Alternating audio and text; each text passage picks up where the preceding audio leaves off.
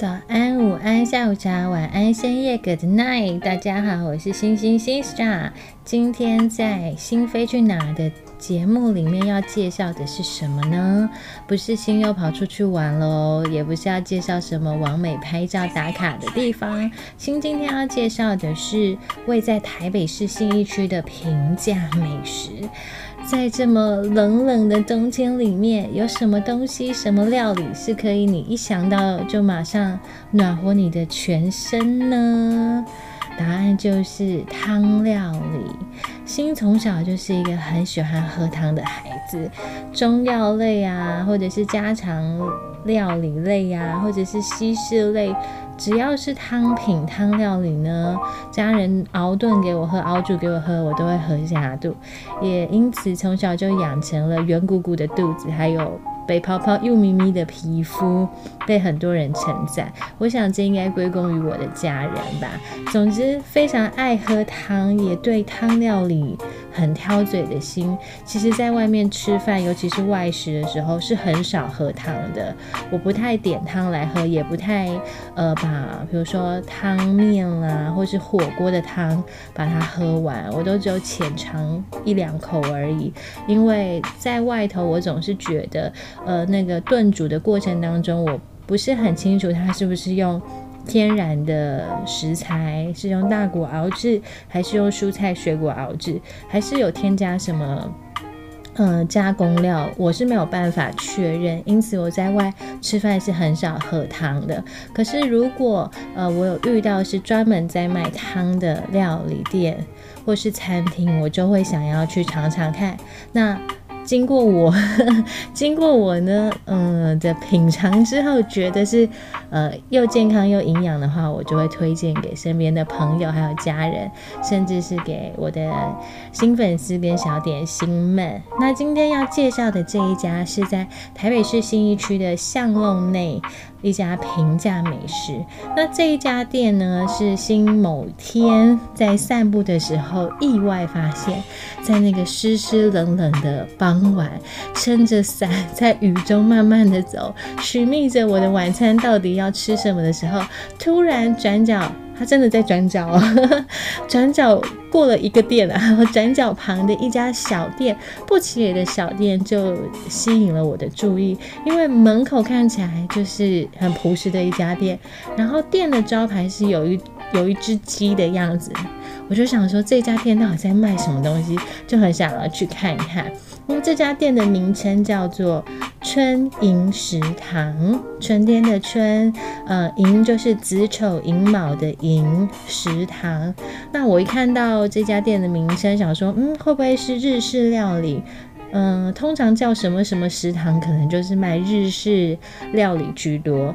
于是我就在店门口研究了一下它的菜单，然后一打开发现。其实没有很难，不是说很难的考虑，而是它的料理没有非常的复杂，呃，映入眼帘的全部都是汤品料理。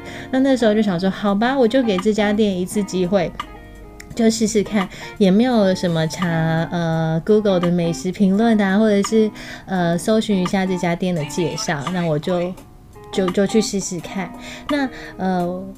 我那一次的用餐经验让我觉得很很很棒，跟很享受，所以呢，前几天又再一次去吃了这一家料理。那等一下我就会稍微介绍一下这家店的料理有哪些，还有呢，呃，喝汤的好处。好了，那毕竟我是一个美食不专业，哎，不对，更正一下，挑嘴 挑嘴的女子，所以呃，要推荐给大家，并必。毕竟要先通过我这一关。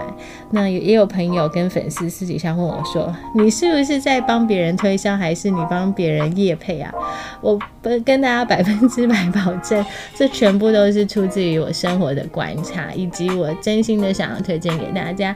所以呢，接下来的节目就让我来好好为大家介绍这家春银食堂在卖些什么东西呢？诶。竟然这样子就讲了快将近五分钟，好，那我们来看看一下餐饮食堂是什么呢？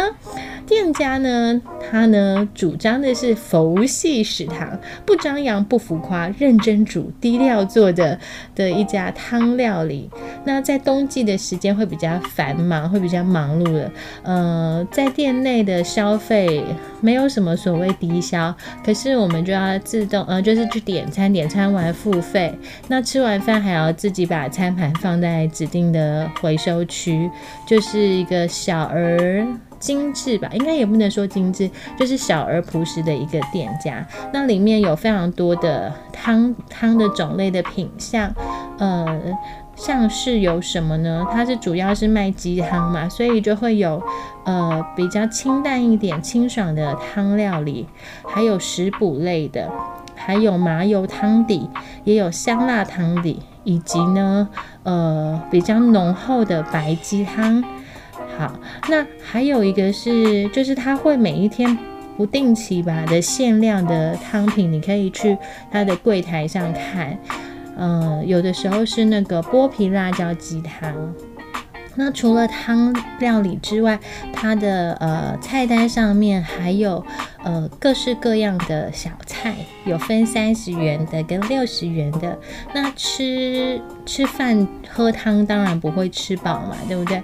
所以它也有一些主食可以可以搭配，比如说有面线，还有白饭，还有它的那个六十元的那个叫什么？一个肉冻饭，就是肉跟饭堆起来像小山。一样满满的这样，那我觉得点一锅个人锅的汤，再加一个主食，再加一个小菜配菜，真的可以吃的非常非常的饱。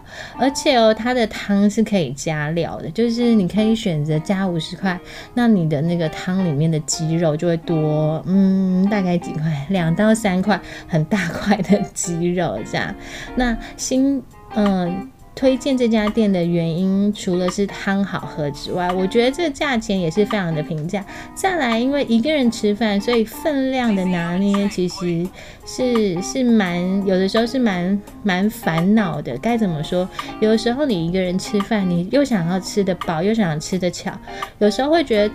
分量太少，又很想要再去买点心。有时候一个人点到不小心点到一点五人份或是两人份，就会吃不下太撑。那我觉得这家店是可以给一个人吃很很很适合的分量，很适合的分量。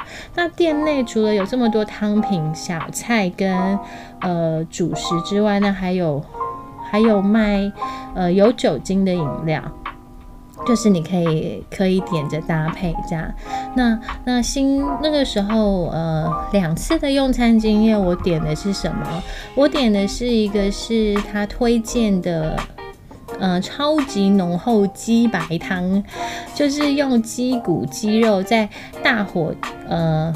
煮熬煮之下会有乳化的作用，因此那个汤端上来就很像豚骨拉面的豚骨一样，会泛起一点点乳白色的汤头。那而且这店家在店内的装潢很可爱，就是他在店店内的墙上都有挂四个字四个字的那个提醒，比如说呃不要忘记带雨伞，还是。嗯，还是什么哦？记得挑食要说，还是挑食要说，还是什么就是四个字四个字的那个提提醒，我会觉得蛮有趣的。那呃，店内只有什么东西可以喝到饱呢？就是白开水可以喝到饱，其他包含汤头、小菜、饮料、主食都都是需要付费。我觉得。呃，这两次的用餐经验下来是蛮值得推荐给住在附近的人啊。如果你是中南部的听众朋友的话，是没有必要特别北上来吃这一家。但是如果你有空到台北的话，尤其是到信义区走走的话，那蛮推荐你可以来喝喝汤，呃，暖暖身体。那为什么新要介绍汤的料理呢？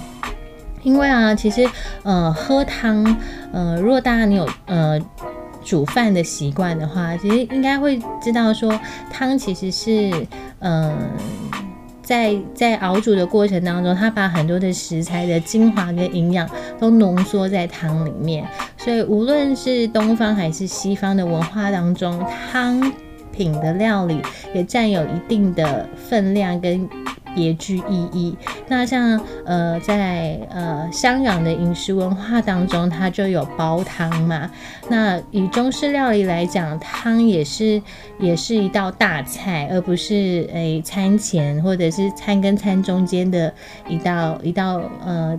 呃，汤品而已，它也可以是端得上大宴料理的一道大菜。那新从小就是喝汤长大的，所以对于汤的讲究跟。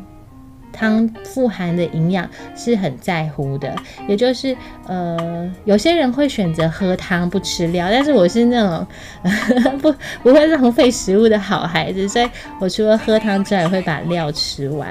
那在那在这个这家春饮食堂当中，嗯，它的蔬菜里面包含了红萝卜跟白萝卜，还有玉米。那他还特别讲，如果你有挑食的话，你也要提前说，他就可以先帮你去除掉。那还有他放一些些的花椰菜，我觉得就一日的蔬菜量其实并不是很够，在这一碗汤里面并不是很够。所以新的建议吃法，我啦我自己啊，就是我会点一个汤汤品一个品相，那要不要加肉就看当天饿不饿。再来我就会点。小菜当中的烫青菜，我就会点再点一份蔬菜，补充我的蔬菜量。然后呢，我会点一个主食。通常我不想让自己过分饱足的话，我都会点面食类。那我的面食类不是乌龙面或是普通的意面，我会点米线类或是面线类，这样自己吃起来感觉好像负担没有那么那么的重。然后大概这样就是我一餐的午餐或是晚餐的分量。我觉得每一次，呃，不是每一次啊，这两次吃下来。呃，这样的分量是非常的足够，我就不会再去买什么小点心填饱肚子了。所以，嗯，春饮食堂就推荐给大家，希望可以在冷冷的天里面，你可以喝上一碗热热的汤，然后暖暖身体，暖暖你的心，也可以暖暖你的胃，让让你的。让你的这一天疲惫的一天，呃，上班了一整天之后，有个很好的汤品，给你满满的养。营养还有补充你的能量。当然，如果你是自己在家就有煮饭料理的习惯，也可以真的炖上一锅或是一盅的鸡汤，呃，喝个一两天。我小时候最喜欢喝的就是鸡汤泡饭，就是一锅鸡汤，然后是中药熬炖的鸡汤，再配饭。我小时候就是这么长大的，所以一直以来对于汤料理都是非常喜欢，也非常怕踩雷。那但是。呃，心还是要真诚的推荐你们，在信义区的呃巷弄内的小店当中，有一家非常朴实，但是呢，呃，汤是非常好喝，而且也非常，嗯，我觉得分量也非常足够，一个人可以吃得很饱的的一个呃食堂小店，推荐给大家。那我就不再。再打广告 说他的店店家的位置在哪里？总之你们就可以上网去搜寻一下，或者是看一下节目的公告栏，自行去搜搜寻就可以了哦。强调我真的没有 夜配，我真的没有夜配，我这也没有收什么广告费，纯属纯属一个贪吃贪吃又挑嘴的女子的分享。讲到这里，我又开始吞口水，又想要来喝上一碗哦。忘记跟大家分享，我除了喝的是那个超级厚白鸡汤之外，我还喝了一碗，就是第二次去的，我还喝了一碗那个叫什么剥皮辣椒鸡汤。哎，可是我不晓得。呃，我的粉丝们、听众们喜不喜欢剥皮辣椒鸡汤？就有些人喜欢剥皮辣椒，有些人不太爱吃。我自己也是会煮剥皮辣椒鸡汤，因为超级无敌方便啊！你就把那一个剥皮辣椒打开，然后倒在倒在那个白汤里面，然后再调味什么什么，就会酸酸，哎，不是酸酸，甜甜辣辣，喝完之后全身冒汗那种。好，但是我我喝这一家的剥皮辣椒鸡汤，我会觉得，我自己觉得我比较喜欢它单。纯的浓厚鸡白汤，那其他的汤品的的那个口味我是还没有试过。那我想我近期近期应该还是会还是会再去喝一下，因为真的觉得手脚冰冷的心很很需要很需要这个汤品的补充能量。好，这就是今天心飞去哪的介绍，就跟着心一起到处去玩，到处去体验，享受人生，吃吃喝喝，然后开心又小心的度过我们的每一天吧。那谢谢你的收听，请记得在在我的节目结束之后，就可以去看一下节目的资讯栏介绍，然后一定要关注追踪，诶，可以分享吧，加分享，然后还有呢，可以到我个人的呃。官方的 Instagram 去去追踪我，你就可以更了解我，然后更能够从里面得到我很多的生活的好玩的事情的分享。那谢谢你们的收听，嗯，我们下次见，拜拜。